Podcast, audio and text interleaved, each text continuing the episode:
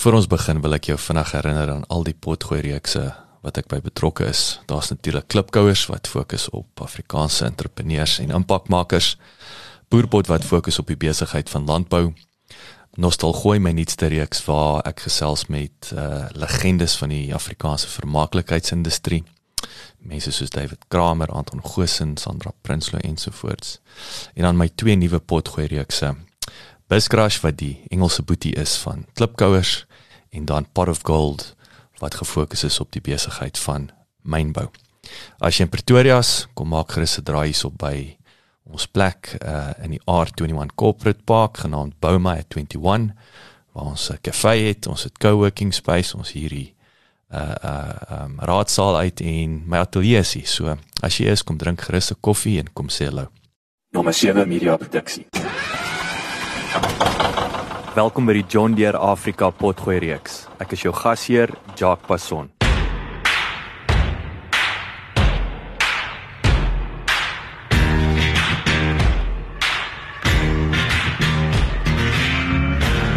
Met 'n geoktroeerde rekenmeester as pa was Johan Vos as kind 'n dorpsjapie wat danksy sy ma wat 'n plaas geërf het van jongs af 'n passie vir boerdery ontwikkel het. So passievol was Johan daaroor as tiener dat hy smiddag na skool uitgedraf het plaas toe en terug net om vir 'n paar uur te kon boer. Vee was nog altyd sy groot liefde, maar Milies het noodsaaklike diversifikasie gebied soos die besigheid uitgebrei. Johan het ook 'n meel op die plaas bedryf, maar die het uiteindelik toegemaak na mate die administrasie daarvan en spesifiek geldinvordering die aandag van sy boerdery begin aflei het. Lekker leer en lekker luister.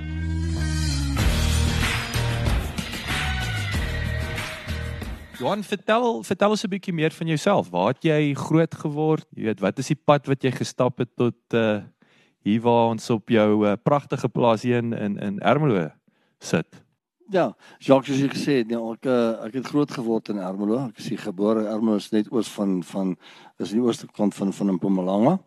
Net hier naby Swaziland, is in die Hoofveld, so dis 'n koue streek hierso. Ja, ek het hier ge, ek is gebore in Ermelo, ek het hier groot geword. My pa is is is is, is 'n CA. So ek het eintlik in die dorp groot geword. Dis eintlik snaaks. Maar my ma was uh, altyd in die boerdery kant gewees. So, my pa het eintlik my ma 'n stukkie plaas geërf. En en uh, dit was toe my passie begin raak. So ek het in die oggende uitgedraf en ek nie in die middag na skool het ek uitgedraf plaas toe. Dan het ek gaan boer en dan het ek vanaand teruggedraf. So noodloos om vir te sê ek was 'n baie goeie atleet want ek was super fit. Dit was so vinnig soos die somers. My pa het tyd gehad om my te kom haal nie soos ek wou boer moes ek uitdraf en vanmiddag het ek teruggedraf. So dit was eenvoudig soos dit.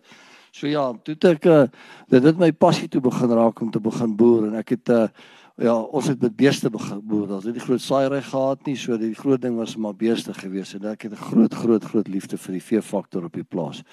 So dis so 'n kort waar dit vandaan kom. Vertel my, ek sê net nou skieurig oor die dorp. Ek sê vir vir Jakes toe ons toe ons hiernatoe ry, ek ek sover ek kan onthou was ek in 1984 laasie. Ek dink dit was dit kan dalk nog 'n ander dorp, maar ek seker was Ermelo.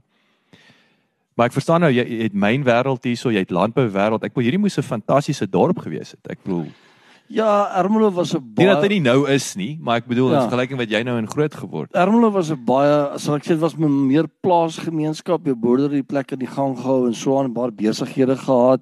Ons was baie gelukkig. Ons het dan 'n hompie gehad, maar dis so, die verder was dit dit.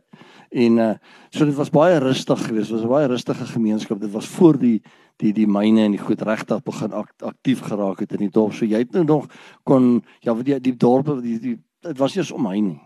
Ek het by die fietsskool toe gery en teruggery oor die hoofstraat. Nou hallo, vandag gaan jy dit doen, dan gaan jy doodry. En ek het ja, soos ek sê, ek het uitgedraf plaas, dis met die hoofpad uit en jy het nie daar was nooit 'n probleem gewees. So dit was eintlik baie lekker, baie rustig kinderjare. So wat vertel ons nou van nou so jy het natuurlik die passie vir die plaas daar ontdek toe nou nou as jy klaar met skool maar toe jy natuurlik toe sit landbou kollege. Wie wie wie se idee was dit toe nou? Nee, dit was my pa se idee. Hy het net vir my gesê ek sê pa ek staan nie belang nie. Ek wil nie verder studeer nie. Ek is nie gebou om te studeer nie. Hy sê maar jy gaan studeer. Dit is eenvoudig. So nee, en dit was vir my natuurlik baie baie positief. Ek is baie bly ek het dit gedoen. Um Ja, ek was op Landbou College sê Glen Landbou College daar by te kan Bloemfontein. Dit was 'n uh, as ek sê maar in Engelse woorde sê 'n eye opener geweest. Dit ou besef nie jy jy word in hierdie klein wêreldjie groot jy jy, jy het eintlik oogklappe aan nie. En toe ons nou daar kom hulle begin ons leer 'n bietjie weier sien en jy ontmoet mense van ander wêrelde en ander streke, dan raak dit nou vir jou baie lekker. En ja, wat vir my nou baie hartseer is, is dat colleges nie meer is wat dit was nie. Want ek dink daar's baie ouetjies wat soos ek was vandag nog wat nie eintlik universiteit toe wil gaan nie, maar hy soek 'n geleentheid net om 'n bietjie sy sy sy visie, sy sy sy brein oop te maak en verder te kan sien wat aangaan in die lewe. Ek en ek dink daai eh, ek het nou genoem, ek het 'n neef wat wat 'n uh, 'n uh, uh, dosent is by Glen uh al die jare en dis weer maar die manne maak hulle hande vuil, nee. Dit is daai ek wil sê dis die praktiese leerskool. Dis nie teoretiese uh, uh, nonsens nie. En ek dink dit is seker vir ouetjie wat wil net daai sterk wat nie noodwendig op 'n plaas groot geword het selfs as hy daar gaan swat. Ek weet nie nou nie, maar daar's daar's 'n daar's 'n jy stap 'n bietjie slimmer daar weg en en as wat jy andersins sou. Ja, verseker, ek bedoel soos wat ons gedoen het, onthou dis nou in die Vrystaat wat ek gaan studeer het. So ons het glad nie by hoeveel plant jy in die koring nie. So ons moet self gaan proewe plant het. En ek bedoel jy dryf die trekker, jy gooi die flip en saad en jy gooi die kunsmis in. En so dit was eintlik so halwe kompetisie geweest want ons is in spanne opgedeel. So dan dit was eintlik groot vet pret en dit was baie lekker. So ons ja, dit het daai daai praktiese gedeelte. Bedoel, ons het engines oor gedoen. Ons het die werkings van 'n stroper gaan sien en dan nie in die boeke nie. Hulle het jou gaan wys hoe werk die ding op die op die op grondvlak. En en dit maak 'n groot verskil in die lewe. Waar is jou beste landbou colleges nou in Suid-Afrika? Het jy 'n idee? Ek bedoel, wat staan uit?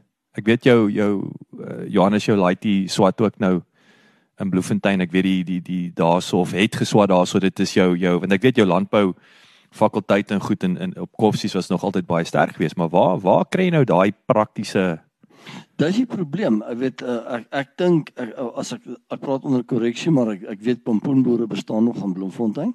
Ag in in, in Potchefstroom yes. en dan um, is ek nie seker of Sadara nog bestaan in in in in in in, in Natal nie. Want kyk nou daar Sadara was maar eintlik meer jou jou jou jou melk georiënteerd. Hulle was baie sterk op dit gefokus geweest. Wat is? Wat s'ie ander ouens daarso naby Kraddock probeer ek nou dink wat uh um, um Elsenburg Ja, ja, ek dink nou daar's nog iemand wat ek kan dink. En dan wat wat wat is onder in die Kaap? Uh uh um daar's dink ek daar's ook Saasveld. Is dit nie Saasveld nie? So daar's so, ek is nie doodseker nie, maar maar daar's nog steeds so. Die maar dis die probleem is weet dit wel ou kan dit eers meer opnoem nie want jy weet soos Glen, ek weet nie meer wat gaan daar aan nie. Gaan swat op Glen. Wat het wat het toe vir jou is daar spesifieke uh, ek bedoel as ons nou kyk na Ermelo, wat kom ons spring daarby weg. Wat boer die manne met hierso histories is dit natuurlik jy teruggekom het jy weggespring met milies of hoe lyk dit? Wat gaan hier aan? Reg histories in Ermelo was dit skaapwêreld kyk hierdie was die grootste wolsproduserende gebied in Suid-Afrika. Vragtig. Ja ek het nee, ek ek het altyd gedag hier Suid-Vrystaat is is die claim to fame. Dis eh, daar my familie vandaan kom. Ek het altyd gedink dit is waar die die nee, wille skaapboere is. Dit was die dit was die mekka van die skaapboerdery hierdie eintlik merino die, die merino skape wil die hier is groot geeste hierso wat met die skape aangegaan het. En nou ja, tye het verander soos ek gesê het, soos wat die dinge maar gebeur het met die die die myne en die goederes en die, soos wat die ekonomie aangegaan het het dit 'n uh, probleem geraak want diefstal het 'n groot groot effek gehad op dit. So die ouens het begin wegbeweeg van skape af, hoe nader aan die dorp. Aan die ander word dit was soos 'n golfeffek gewees. So die ouens het teruggeskuif en almal begin beeste boer en dan het jy jou saai komponent want jy moet 'n saai komponent hê want die hoofveld die gras word maar niks werd in die winter nie. En dan sit jy met jou probleem, hoe kry jy jou vee deur die winter?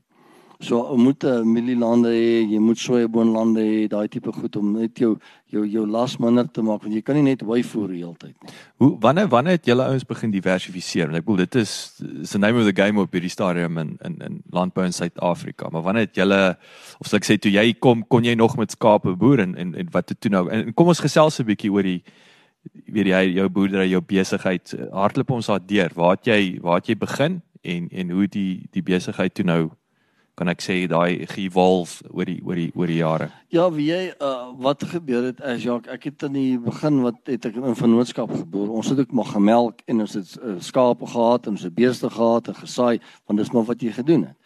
En uh dit was nie as ek sê ons was in 'n vennootskap in 2000 het ons uh besluit ons gaan die vennootskap stop. En eintlik wat gebeur het was 'n 99 World Cup. Het ons gaan kyk, ek en my pa en my my vrou en ons die World Cup gaan kyk en ons het die besluit daar geneem.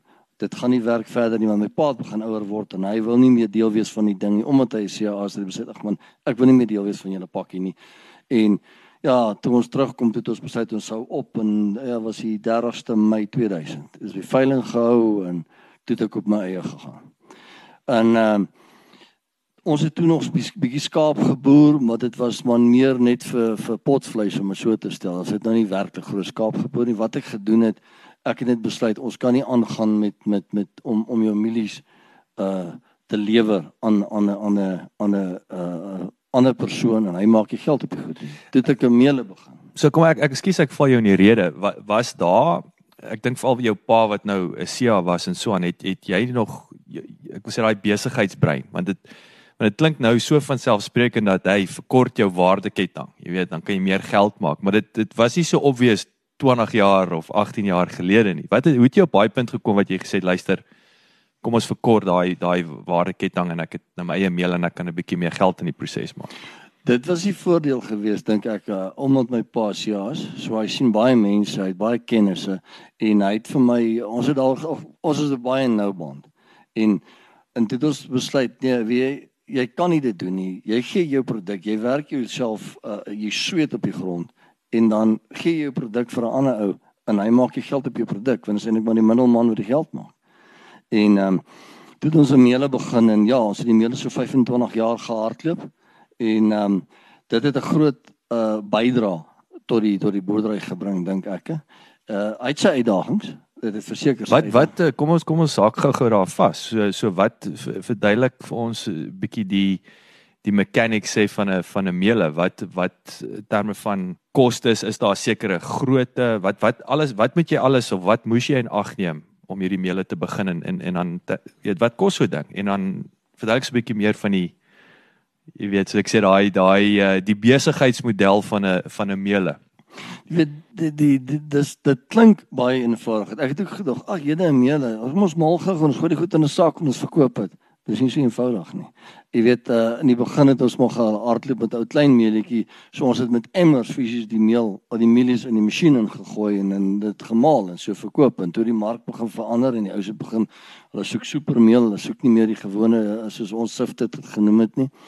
En nou verander jou ratios. Met ander woorde, nou sit jy weer met ehm um, in plaas van 'n 20% verlies eh, jy sien nou maar verlies dis eintlik jou job gaan jy op na amper 40% verlies te want jy maak nou 'n supermeel so jy het baie meer 'n uh, job wat uitkom.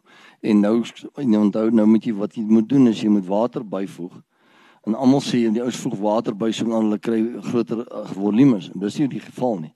As jy nie die water byvoeg nie dan kry jy nie die die doppie en die kiem uit die van die van die put af nie. En dit is jy soek dit nie in die meel nie So dit het 'n baie fyn effek want nou hang dit af wat jou vogpersentasie van die mielies wat jy inneem. So daarvolgens moet jy jou water aanpas wat jy op jou mielies sit om die dopie op op op, op jou regte manier af te kry. So dis 'n fyn wetenskap, maar jy ons het hom geleer ken na ruk en uh soos ek sê dit het baie goed gegaan met ons en um wat wat is daai wat is die uh, waar, waar maak 'n meele sin? Wat is ons nou kos praat ton wat, wat moet daar deurgaan om om my ekonomiese eenheid of daai daai lewensvatbaarheid te Jy jy moet 'n minimum van 200 ton mieliemeel 'n maand kan skuif. 200 ton. Ja. Maar die probleem is nie die 200 ton te skuif nie. Die probleem is om 200 ton se geld terug te kry. Dit is jou grootste uitdaging. Um en ja, Jacques, ek sê dit vir jou reg, dit is wat met ons gebeur het. Um die hele uh um um jou kopers, as ek net moet sê jou kafee eienaars het verander. Ons het um plaaslike ouens gehad wat wat die eienaars was van van van die uh al die al die kafees se goeders. Vandag se tyd het dit verander. Ons sit met mense wat van Bangladesh en Pakistan en daai mense afkom en hulle doen besigheid op 'n totaal ander manier. Nou moet jy um regtig begin moeite doen om jou geld in te vorder en jou geld terug te kry. So toe het ek net gesê mense, jy weet, ek is eintlik 'n boer. Nou moet ek my energie en my tyd mors om te geld te gaan invorder wat nie so moet wees nie. Toe sê ek dan stop ek hiermee, dis eenvoudig soos dit. So dit was dit was nie dat ekonomies het die meele sin gemaak, maar dit is weer daai daai spasie daai so ek altyd sê daai mind space wat hy begin opvat wat wat wat jou jou jou besigheid op ander plekke negatief affekteer. Verseker, jy weet want ek het begin besef hierdie mense ek ek spandeer nou meer tyd in die kantoor en op telefoon om agter mense aan te ry boonbehalwe die die die die, die verteenwoordigers wat probeer om die geld in die goed in te haal as wat ek op my plaas doen. Met ander woorde, wat doen ek nou? Ek ek ek verloor geld op my plaas en dis eintlik my passie is om te boer. So hoe werk daai so verduidelik gou-gou die proses. So ek ek het 'n trok, ek bring my mielies, jy chop dit op. Hoe werk daai wanneer betaal ek jou so verduidelik vir ons 'n bietjie net hoe lyk daai irritasie? Da. ja, die groot ding is maar kyk jy om obviously kon ek nie al die mielie self produseer nie want jy ek kon nie van van toe ek nou by 2000 myself begin dan kan ek nie al daai hektare plant nie want ek het geleer jy moet onafhanklik wees. So ek wil nie gaan geld leen om te plant nie. Ek weier as ek 'n mielie 'n mieliepit of 'n sojaboonpit plant, doen ek dit kontant. So dit was my dit was my uitgangspunt en is nog steeds my uitgangspunt. So wat ek gedoen het, ons moes mielies inkoop. Nou gelukkig het ek baie vriende en ooms wat ek nou ken vir jare omdat ek hier groot geword het. So hulle het my dan so 'n bietjie uitstel gegee om te sê man jy hoef nou nie my môre te betaal nie. Jy kan my dan nou oor 2 of 3 maande betaal. En so het ons die ding aan die gang gekry. Dis nou maar jy is wat net vir jou mielies gelewer het. Maar nou kom daar ook weer 'n probleem en jy moenie jy jy moet graad 1 mielies koop. Jy kan nie graad 2 mielies koop nie, want as jy graad 2 mielies, dan word jou persentasie wat jy weggooi wat nou chop is, net eenvoudig meer, want anders dan word jou verliese eintlik meer. En dit is dit is dis daai dis jou groot probleem en dan moet jy kyk na jou pitgrootte wat jy inkry. En as jy 'n klein pitjie inkry, dan jy minder vleis, dis half logies. Dan hmm. dan kan jy minder meel. Dieselfde werk vir 'n vir 'n kleiner uh, uitset. Dis reg, dan kry jy minder meel uit. Jy weet so dan gaan daai masjiene of gaan nou deur die deur die deur die uh, voorskoonmakers van dit moet skoon gemaak word en so aan en dan gaan dit deur jou benattingsmasjiene. En na die benattingsmasjiene gaan dit deur die determinating plant en dan gaan dit deur die kiem plant tot dit afval. Dan gaan dit deur die chop plant en dan kom dit deur jou meele. En dan moet jy vitamiene byvoeg en dan word hy versak. So en dan kan jy nie te vinnig uh uh laat laat laat in die sakke ingooi want hy moet eers 'n uh, mate van afkoel want anders te word hy warm in die sak dan mif hy net weer in die sak dan jou rak lewe minder. So dit is 'n uh, daar's 'n paar um, paar goedjies wat jou wat jou jou nederig hou met met met 'n meele so.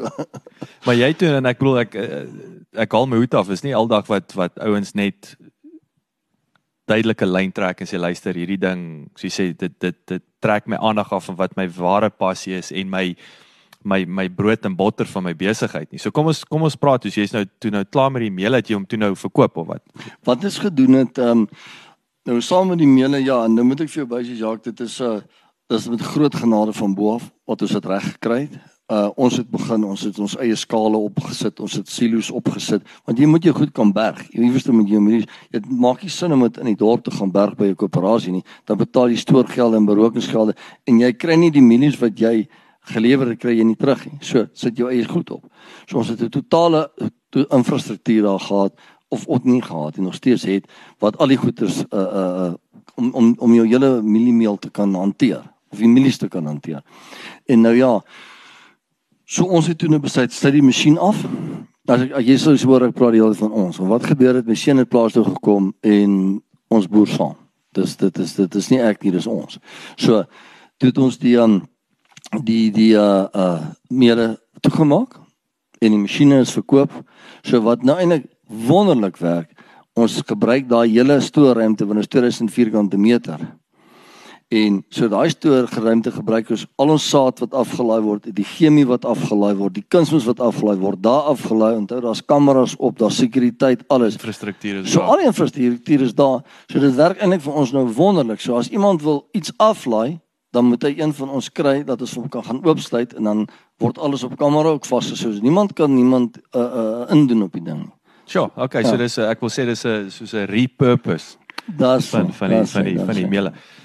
So kom ons kom ons self. So klaar met die meele besigheids nou stoorkamer. Terloops, wat om net vinnige laaste vraag oor die meele. Toe toe jy nou waar jy nou jou eie mielies en jou eie meele lewer. Wat wat is daai jy weet daai ekstra geldjie wat jy maak nou om om om ons kom nou terug na daai waardeketting wat wat verkort word. Hoe lyk daai daai sommetjies? Man, jy sê ek en jy nogal lank besig om daai sommetjies vir te verduidelik en alles in in nee, jy maak geld. Jy maak regtig geld, maar jou grootste grootste probleem is soos ek jou gesê het. Dit is baie oulik om te sê ek stuur die lorry uit, dan gaan hy met die meel. Jy moet die geld terugkry. So dis maklik om hier te sit in die son te maak. Op papier werk hy wonderlik, maar die, maar die geld moet in die bank En dis so dis die ding en baie goedjies. Almal kom hier aan met allerlei mooi modelletjies en goetertjies want jy sê hoe jy ding moet doen. Dit gaan oor rent, rand en sent op die einde van die dag. Vir die geld nie gebank is nie, het jy niks gemaak nie. Dis die punt, dis die moral of the story. Hoe lyk die besigheid nou? So julle het nou waar fokus julle nou? So ek sê jy het nou gesê daar's nou 'n stoorkamer en so aan. Vertel ons 'n bietjie meer van die van die van die kernbesigheid op hierdie stadium. Goed, Jacques, reg. ons kernbesigheid is nog steeds beeste. Ons is besig om na ander alternatiewe te kyk. Onthou ons sit met baie stoorruimte. Ons het al daai silo's, al daai goed opgesit en soos ek vir nou gesê het, ons ons is onafhanklik. So ek hoef nie die goed te verkoop nie. So ons gebruik dit onsself. Ons probeer nou. Ons is besig om te kyk om om om sien nou maar 'n mini voerkrale op te sit. Moet ons ons eie kalvers afrond, moet ons ons eie koeie vet maak. Wat watter rigting gaan ons volg? Want daar's baie ander uh, uh goed wat ons kan doen om ons nog meer waarde toe te voeg tot ons veefaktor. Ek dink net ons ons ons skiet nog 'n bietjie te kort daarso. Nou gelukkig soos ons nou nou gesê Johannes was op universiteit. Hy het al hierdie goeters gaan leer van voerkrale en backgrounding en al daai goed. So ons is besig om die ding ernstig te te te ondersoek en ons dink om in daai rigting te begin in, in te beweeg. So en hoe lyk jy hoe lyk julle stoet op hierdie stadium? Wat wat wat se ras het julle wat wat, ons, wat is kos praat 'n bietjie uitdagings, goeie goed, slegte goed. Ja, kyk, ons het ons het uh, ons het vroeër het ons 'n stoet gehad. Ons het glad nie meer 'n stoet nie. Uh um ek is ek is meer uh, ek dink ek en Johannes is meer boere. Ek hou nie daarvan op skoue te wees en op veilinge te wees en sulke goed nie. Dit is ek dink as ek vir my plaas af is dan dan mors ek tyd en ek verloor geld. So ons het 'n 'n totale vleisras ons probeer met Beefmasters boer. Beefmaster is 'n sintetiese beesras wat geneties saamgestel is uit ongeveer 50% Brahman, 25% Hereford en 25% korthoringbloed. Dit het die Beefmaster tot gevolg gehad wat die beste eienskappe van elke individuele ras geërf het. Dit was die eindresultaat van jare se selektiewe teeling, sorgvuldige eksperimentering en die uitdinning van ongewenste diere. Regdeur die geskiedenis van die beefmaster ras was vleisproduksie die hoofdoel. Die beestevee lewer die hoogste kwaliteit vleis teen die laagste koste, wat beteken dat 'n mens meer geld in jou sak kan steek. Tydens die seleksie is die volgende kenmerke van ekonomiese belang: vrugbaarheid, temperament, gewig, bou, gehardheid en melkproduksie. En uh uh die die die ja, ek, ek dink dit dis vir ons 'n mooi bees. Goeie vleis, genoeg vleis, geharde bees. Dit so ons het dit dit, dit gaan regtig goed met die veefaktor op die plaas. Um uitdagings um ek dink uitdagings wat 'n groot probleem is is siektes. Jy weet 'n uh, trichomonas is 'n groot groot probleem deesdae. So dit jy kan nie by enige ou of enige plek sommer net gaan vee inkoop nie want jy kan jou kudde onmiddellik besmet en jy sit met met met met met, met besmetlike misgeboorte wat ook 'n ongelooflike probleem is. Jy sit met TB op jou beeste wat 'n probleem is. So weet siektes is is 'n ding wat ou die heeltyd aan moet dink. So jy kan nie soos ek sê by enige ou by Koos of by Piet sommer langs die pad te besig koop nie. As jy nie by 'n geregistreerde stoetteeler koop nie, het jy 'n probleem. Wat hoe hoe wat wat is daai proses om nou in terme van daai kwaliteitsbeheer? Hoe toets jy? Ek bedoel so maklik om jou grond te toets en kyk wat daar aangaan. Hoe maak jy seker daai bees dit nie snaakse goed nie? Al of is dit die feit dat dit 'n 'n 'n kredietwaardige teeler is waarby jy koop, so jy jy daai peace of mind of is daar is daar verrassing selfs nog na die tyd? Nee, kyk, daai dit dit werk nie meer deesdae so nie. Kyk, onthou besigheids besigheid. So op hierdie stadium as daai in die VR sertifikaat kan wys wat hy skoon is en hy's getoets nie, dan sê vir hom sorry, ek koop nie by jou nie. Dit is so maklik soos die som is. So dis dis dis straightforward in daai opsig. Wat is huidige, ek bedoel daar's opwindende veranderinge besig in die in die vee wat sal ek dit noem? Vee vee boerdery. Uh, veral met jou is dit die hoë intensiteit wat noem hulle dit? Is dit die uh, hoë intensiteit kampe? Wat wat is die regte term? Ja kyk die ou die ou se begin met hierdie hoë draagkrag en, en, en, en maksimum wat noem hulle hoë hoë baie druk drukbewyding en drukbewyding ja. Wie jy uh, um Jacques daar is baie weet baie gedagtes rondom dit. Nou dis baie oulik as jy net beeste boer om dit te doen. En as jy 'n paar beeste het, maar as jy begin redelik hoeveelheid troppe het, redelike hoeveelheid getalle opgroei, dan dan raak dit nie meer maklik nie. Waar waar en en het, want jou spasie om alles te kan beheer. So wat maar waar waar raak dit 'n probleem? Wat wanneer ek wou sê as jy nou jou wat 'n ekonomiese eenheid is wat plus minus 250 beeste, nê? Uh min of meer of waar wanneer raak dit problematies? Ek dink soos ek sê as as jou getalle begin hoër raak, want onthou nou wil jy begin elke 2 of elke 2 ure of elke 4 ure of wat ook al moet jy nou 'n draadjie gaan skuif. Wie is die mense wat dit gaan doen? Bedoel, hallo, uh, dis waarom ek sê as jy nou 20 beeste of 100 beeste het, is dit nog seker doenbaar. Maar as jy begin getalle het, dan dan jy kan nie, dan dan boer jy ekstensief met 'n beeste soos jy dit doen. In dis maar wat ek en my seun glo glo ons hou daarvan 'n bees moet kan loop, hy moet kan eet, hy moet kan flip en loop na die water toe, na die soutbak toe en hy, hy moet sy sy sy gras gaan gaan gaan eet. Hy moenie net daar lê in, in in die klein stukkie eet nie want dit gaan ook maar oor jou veldbestuur en daai tipe goed. En dan uh, ons probeer om 'n goeie gesonde beeste daar te sit. Met ander woorde ons probeer nie uh uh um hierdie um wat die steroïde in daai goeters. Ons ons voel voel glad nie daai daai volg nie daai roete nie. Ons probeer hom so natuurlik as moontlik groot maak. So dis nou 'n belangrike punt wat jy daar maak. Johan, julle organiese bewegings goed. Wanneer wanneer word daai bees as suiwer organies beskou? Dis of hoe nou, naby is julle aan organies? Dis dis ook nou 'n baie fyn uh, veld wat jy nou van praat want daar's ouens wat glo jy mag die bees glad niks inspuit nie, jy mag nie dit nie. Nou ongelukkig hier by Hoofveld ons boer het jy het jy rooi water. En ek bedoel as daai koei rooi water kry en jy spuit dan nie gaan sy vrek. Dis eenvoudig soos die som is. So ons moet dip en ons moet in en so daai goeders doen ons. Ons gevoel voel voel net nie die roete van van van hormone en daai tipe goed nie. Om hom nou vinnig vet te kry of of ons ons ons doen nie natuurlik groot te kry. Ons doen nie daai nie. En en en die voerkraal is is dit weer eens om beheer te hê oor oor ons praat nou van vet maak. Is is dit die of is dit weer eens 'n besigheidsbesluit van luister ons kan ander ouens se beeste hierso nou Ja, kyk maak on, ons kom nou weer terug wat ek dan net vir gesê het. Onthou, oomblik as jy begin beeste inkoop, dan maak jy jou jou kortrip oop vir siektes en en en. So ons wil maar eers kyk of ons ons eie goedjies kan vat en ons eie goedjies waar dit kan voeg en dan van daar af sal ons dan nou besluit. Jy weet, ou weet nooit nie. Dit is altyd altyd ons grootste probleem. Jy jy ons visie is te klein. En dan kom jy daar, dis soos toe ek my eerste silo opgesit het. Dis sit ek 'n 'n 'n 6500 ton siloetjie op toe. Ja, dis nou great. Nou dit het nie lank gevat nie. Toe besef ek maar dis nou te klein. Toe sit ek 1000 ton op. Toe sê ek, okay, nou is ek seker reg. Toe kom ek agter maar dis tog te klein. Toe moet ek hom vervang met 1500 en so het aangegaan en aangegaan. So dit ek dink dit is ons een van ons grootste probleme is okay, obviously jy moet jy moet kontant. Die finansies is 'n groot probleem. En dan jou versienheid kan ook 'n probleem raak. So ja, kom ons kyk by die voerkraal. Wat gebeur? Ek sê net uh, kom ons gaan oor die eerste hekkie dan dalk kyk ons na die derde hek en dan val ons oor die eerste hek. So kom ons gaan net eers oor die eerste hekkie voor ons voor ons verder besluit. Wat klink maar die die boodskap wat ek wat ek hoor by jou is weer is daai dis geduld. Dis dis dis daai een trekkie op 'n slag, toets hom, kyk wat werk. Pivot as jy moet as wat jy net in 'n ding instorm en en en en en jy sien jou jou ding is. En en natuurlik die die die die die kontant. Ek het nou die dag toe ek ek sou aan reis gewees, toe gesels ek met ek gaan nou nie oom se naam noem nie maar toe toe ons by 'n uh, standaard bank funksie. En toe lag hy, toe sê hy nog vir my hy hy's nie seker, is ou is ou kos hy spel vir my se se pa.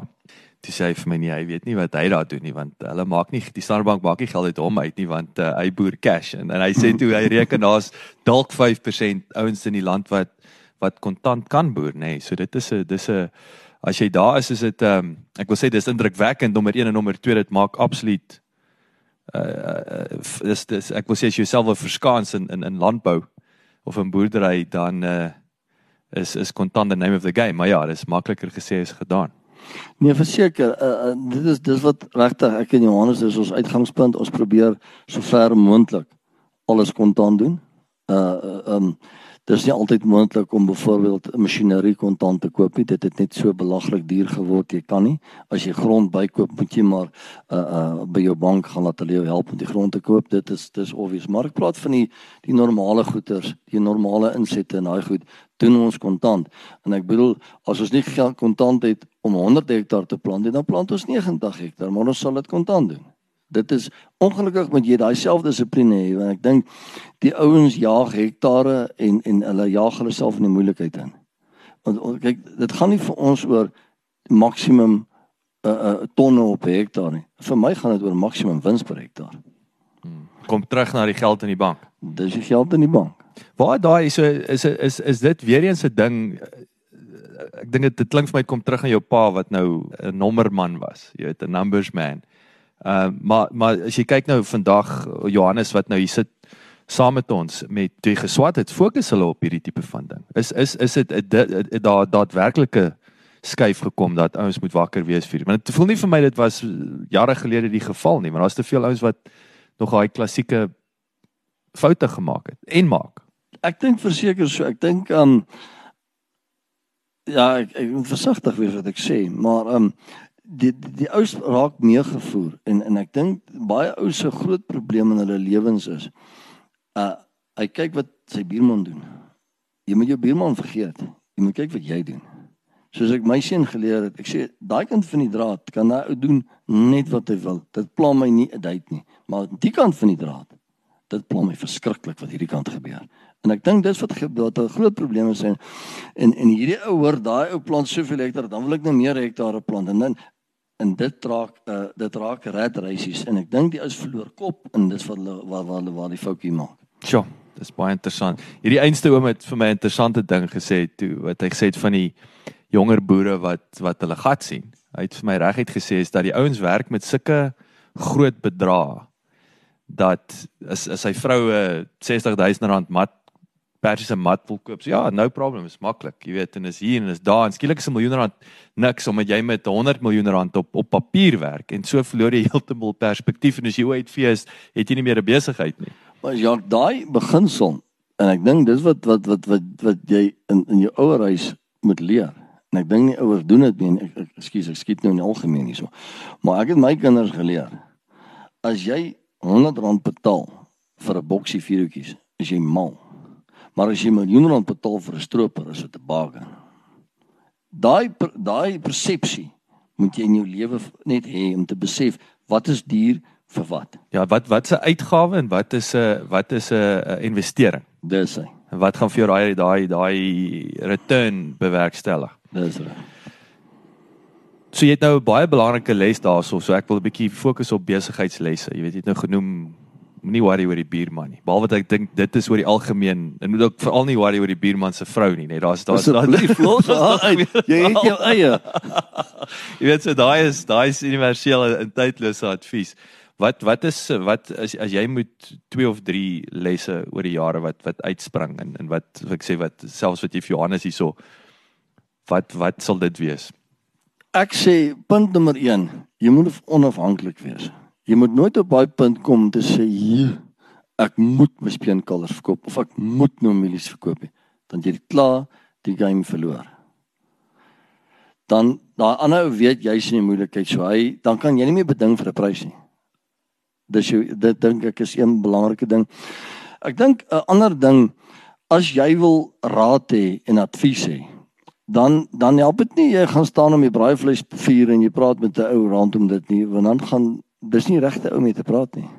Jy moet gaan, jy moet jou jou jou auditeer moet jou beste vriend wees. Jou prokureur moet jou beste vriend wees. Jou bankbestuurder moet jou beste vriend wees want dis die ouens wat jou op die besigheid hou. Ja, so dis die ouens wat wat sê ek vir wie jy moet gaan gaan gaan gaan raad vra in 'n halwe klankbord moet wees voor.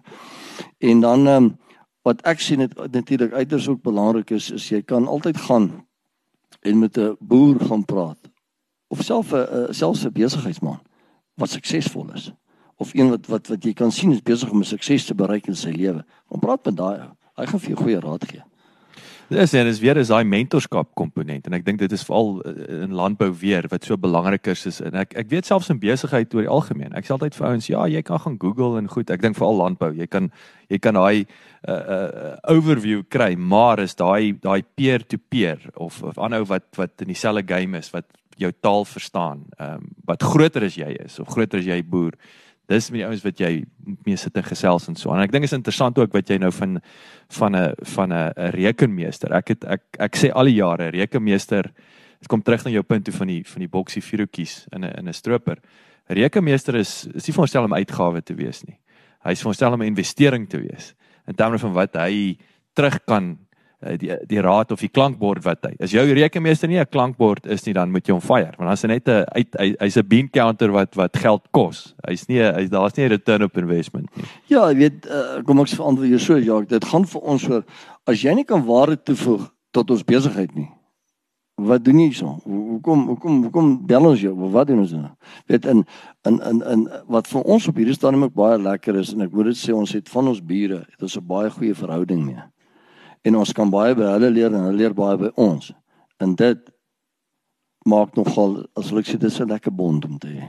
So het julle het julle ook studiegroepe hierso? Hoe hoe lyk waar jy het praat of van jou buurman kom julle by mekaar die manne in die omgewing of hoe lyk dit? Wie ja, hier is 'n uh, 'n uh, boereverenigings en sulke goeters wat ons nou kom op by kom en so maar ek praat van man to man want hierdie ou gaan nie en ek gaan definitief nie op die boerevereniging al sê wat ek wil sê nie.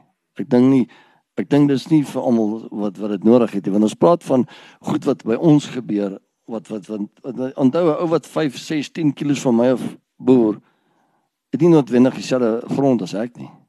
Maar ek en my buurman is baie na mekaar, mm. jy sien. Soos weer is weer daai daai klankbord komponent. Dis reg.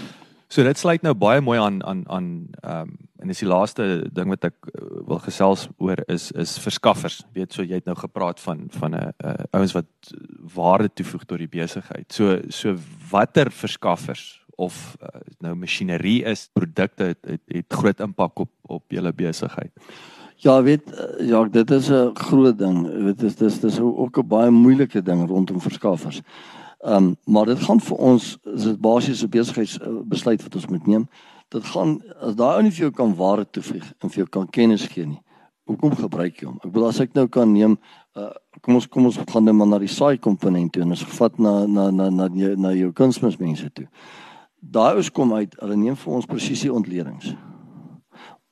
Hulle skryf vir ons ons uh, ons kry ons ons preskripsiekaarte en daarvolgens doen ons ons kalk toe ons ons ry nie gaan soek die goedkoopste kalk en gooi 'n flat rate in en dan gaan ons aan nie. Jy mors geld. Jy moet die regte kalk vir die regte. Met ander woorde, jy dit help jy ry 'n 'n 'n Toyota bakkie en jy gaan sit vir hom in Nissan 1400 se bande op nie. Want dis wat jy doen. Jy maak jy maak droog. Jy moet die regte goed vir die regte plek aan aanwend. So So dis wat die die kunsmismense aanbetref en gaan oor dan nou jou jou is jou plantmengsels en daai goed. So hierdie ou het 'n hulle kom sit hier by ons en ons spandeer 'n dag om hierdie goed uit te werk. Wat gaan die beste wees? Wat gaan ekonomies die beste sin maak vir wat ons wil doen? Vir watter tonne beplan ons? Watter tonne mik ons voor? Jy weet, so dit is 'n baie fyn wetenskap. En dan kan ons verder gaan. Dan kom jy met jou wat wat jy wat jou chemie doen. Die ou wat chemie moet doen, kom nie hier so sit en verkoop vir jou 'n resep nie. Ek wil flip dit, maar dan gaan koop 'n resepte boek as ek wil een hê. Hy moet kom na my toe en hy moet vir my sê, "Dis my voorstel." Maar die jaar gaan ons leer wat gaan gebeur. Want onthou, in Ermelo verander die, die die van maand tot maand verander dit.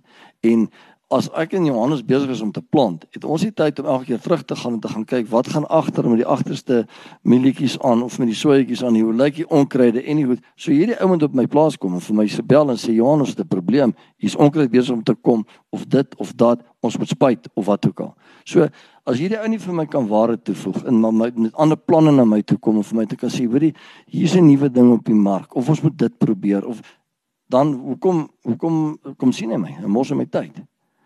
En so kan ek gaan uh um dieselfde met jou saadmaatskappye. Want nie noodwendig die saad wat by my werk gaan by my buurman of die ou aan die kant hom werk nie. So ons probeer hier en daar maar ook proewe plant om te kan sien watter saad teen watter plant 'n uh, digtheid gaan werk vir ons die beste op ons grond. So jy sê daai en dit is my interessant daai jou jou kunsmisverskaffers jou jou jou ehm um, jou chemie daai is uh, dit voel vir my as ek luister na die ander boere ook, jy weet dit is twee belangrike steunpilare op hierdie stadium.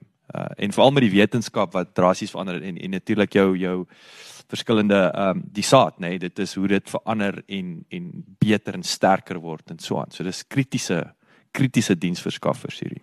Ja, verseker, jy weet, ou kan baie maklik 'n groot groot fout maak, veral met chemie. Jy ou besef nie wat wat jy kan doen nie.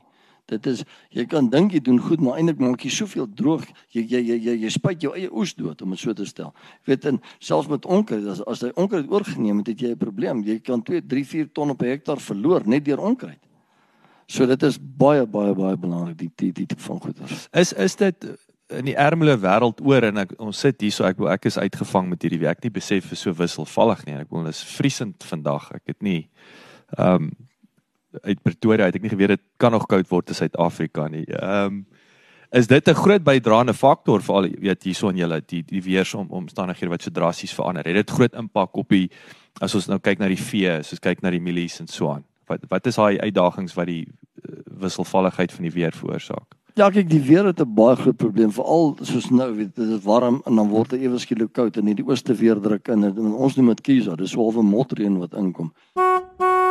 Die Hoëveld se dorp Ermelo lê op 1741 meter bo seespieël en het 'n relatiewe warm en matige klimaat. Gedurende die somer geniet die streek goeie reënval terwyl die winters betreklik droog is. Die gemiddelde reënval is 756 mm waarvan ongeveer 151 mm in Desember val, terwyl Junie die droogste maand is met 'n gemiddeld van slegs 3 mm. Januarie is die warmste maand met 'n gemiddelde temperatuur van bykans 20 grade Celsius, terwyl Junie ook die koudste is met gemiddelde temperature onder 10 grade Celsius. So as jou vee se voedingspyl nie reg is nie, longontstekings en en en en en. So dit is 'n groot probleem. En selfs met jou met jou saaiery. Ons kry nog in September lekker koue in. Ons het al in September maand uh 19de September het ons al sneeu gehad in Herbo. Goeie hemel. Hallo, ek bedoel dis dis dit wat dis wat kan gebeur in hierdie wêreld. En so die die weer is is is is 'n uitdaging, maar onthou ons kan in die weer niks doen nie. Jy moet maar net aanpas en daarvolgens 'n nuwe planne maak. Ag jy laaste vraag net sluit aan by by hierdie weer eens. Wat wat is heidaglik as jy kyk in Suid-Afrika en so aan, wat wat is julle grootste uitdagings op hierdie stadium as as landbou besighede? Ek dink van ons grootste uitdagings is is is maar rondom die die die die produk. Jy het jou produk. Wat gaan jy met jou produk maak? Gaan jy hom bemark? Gaan jy hom vir jouself verder vat en hom in in hom probeer waarde toevoeg tot hom? Goed. As jy hom nou gaan bemark, wat is die regte tyd om te bemark? En en en dan ehm um, die watter prys gaan jy hom bemark? Jy weet want jy jy dit is dit is faktore wat jy nie 'n uh, eh, 'n uh, eh, uh um beheer het oor nie want ek bedoel hierdie ouens speel safe so hulle druk jou op en af soos wat hulle lekker kry so jy kan nie vir jou sê goed jy gaan uh sien net maar 2.500 rand 'n ton kry vir jou geel milisie jy weet nie wat gaan jy kry nie. Dit is wat dit baie baie moeilik maak. Dis glad nie en het, en ek en ek is is dit wat so lekker is ook van van julle besigheid? Want met die vee kan jy. Jy kan om opsny en om direk aan die huishouding gaan lewer. Jy kan jou voer, voerkraal begin en en, en so ek ek ek wil sê die die met met vee kan jy die prys maker word maar met die milies is jy die prysnemer en dit is die dis die, dis die gemors op hierdie stadium val met die prysnemer kant. dit is die kan jy kan jy sien hoe so iets gaan verander met die tyd? Gaan gaan gaan die gaan die uh, en ek dink ook dis kultureel is dit so net die landbou Suid-Afrika met die met die groot landboumaatskappye in die middel en so aan. Jy sit kom al jou milies al gat hulle net dis is gerieflik gewees oor die jare. Kan jy sien hoe so, dit gaan verander in die toekoms? Ek dink ek dink verseker so ja as jy nie 'n ander komponent gaan inbring nie jy kan nie nou net meer milies produseer en dink dis waarvan jy gaan lewe nie. Jy moet om ware te voeg. Het sy deur kom ek sien net maar hoenders ekskuus ek is nie baie mal oor hoenders nie maar ons moet af en toe 'n groentjie ook inkry. So hoender of of het sy deur 'n bees of of of varke of wat ook al maar jy moet iets anders doen met jou met jou produk doen. Uh, uh, uh, so daar's baie navorsing wat ons self as boere nog moet begin doen. Om hier te sit en sê goed ek plant mielies en ek verkoop die mielies Ekskuus, ek ek ek wil nie lelik wees nie, maar ek dink nie jy gaan oor 20 jaar nog op die plaas sit nie. So ja, so iets mielieboerdery in isolasie.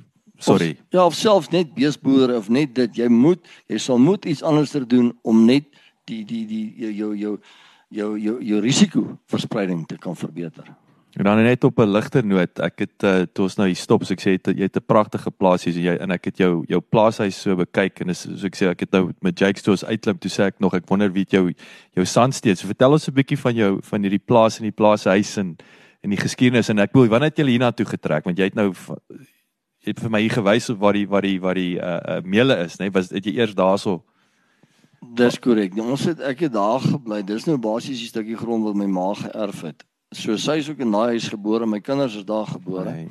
En toe gebeur die ondenkbare want my seun kom plaas toe ons moet uitbrei, ek ons moet groter gaan en uh toe kom sit my buurman eenoggend voor my toe sê vir my Johan wil jy my plaas koop? Nou dit is soos 'n bom wat jy my skoot laat bars want ek en my seun sê waar gaan ons heen? Ons moet grond kry, ons moet groter gaan. Ons kan nie twee huisgesinne op hierdie grond hanteer nie. En die die skaal van grootte gaan nie werk nie. En hier kom die buurman. En toe gebeur dit en nou ja, dit was vir ons nou 'n um as ek net maar sê eintlik 'n meevallertjie wat ons nou nie beplan het op nie en ons is baie baie dankbaar daarvoor se toe kon ons uitbrei. En um wat vir ons nou baie spesiaal is, nou nou hierdie stukkie wat ek nou wat ek nou bly hierson was basies dis deel van die Meppelstasie gewees. Hier was 'n stasie in die ou daai ou hulle roomkanne hierso gelaai op die stasie. Hy mag. Van ons bure het hulle beeste die gardeners het hulle beeste hier afgelaai en oorgejaag en toe het hulle begin boer hierso. So dit is baie interessanthede wat hier gebeur het.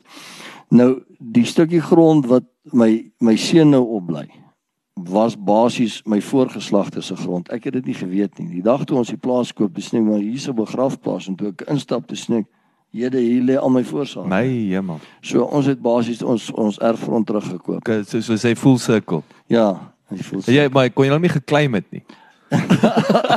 jy nou jy ja. het te vinnig gekoop hier. Ek het ongelukkig ek het ongelukkig te vinnig gekoop. Nee. So meneer ons is dis eintlik ons ek net sê ons is baie bevoorreg. Dit dit gebeur nie so altyd nie. So ons is net dankbaar ons kon dit regkry om ons om die familiegronde weer terug te koop. En hoe oud is hierdie hierdie plaashuis? Hierdie plaashuis is in, in 1896 gebou, gebou en die een daar by my by my seun is in 1886 gebou. Ongelooflik. Ja, ongelooflik.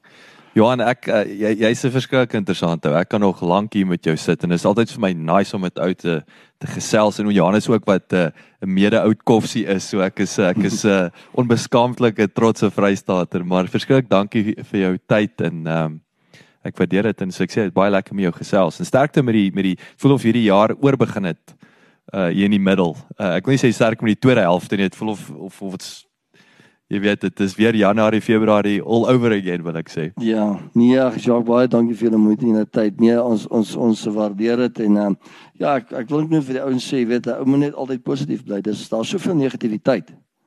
En ehm um, jy moet jy moet jy moet jy moet dit wat jy lees, jy moet filters op jou oë sit of in jou brein sit. Jy moet kies wat jy wil lees en dit maak nogal 'n verskil in nou se lewe. Ek dink dit is so waardevol wat jy sê daarso en dis daai uh, junk in junk out. Yes, dit is net maar maar net so.